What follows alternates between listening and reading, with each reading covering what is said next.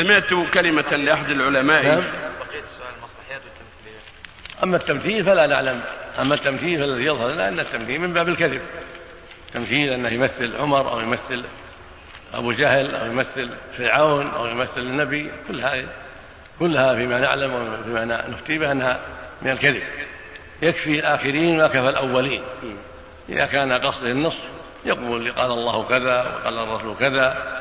وكان ابن كان فلان يقول كذا كان عمر يقول كذا كان الصديق يقول كذا كان ابن تيمية يقول كذا وأفتى بكذا كان عمر بن عبد العزيز يقول كذا. أما أنه يمثل نفسه يقول أنا عمر بن عبد العزيز أنا عمر بن الخطاب أنا ابن تيمية أنا ابن القيم.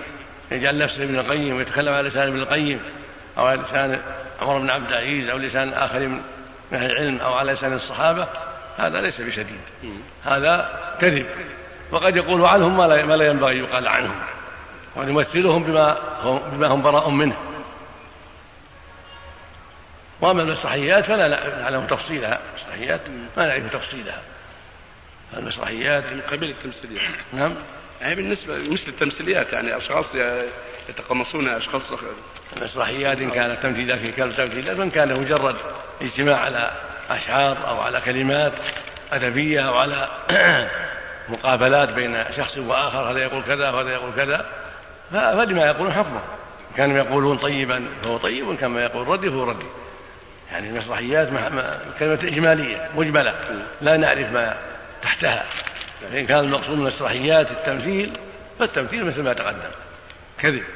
فإن كان المسرحيات أنهم جماعة هذا يقول كلمة وهذا يقول كلمة وهذا يقول أبيات وهذا يقول أبيات أو هذا يدعو إلى كذا وهذا يدعو إلى كذا يتعاونون.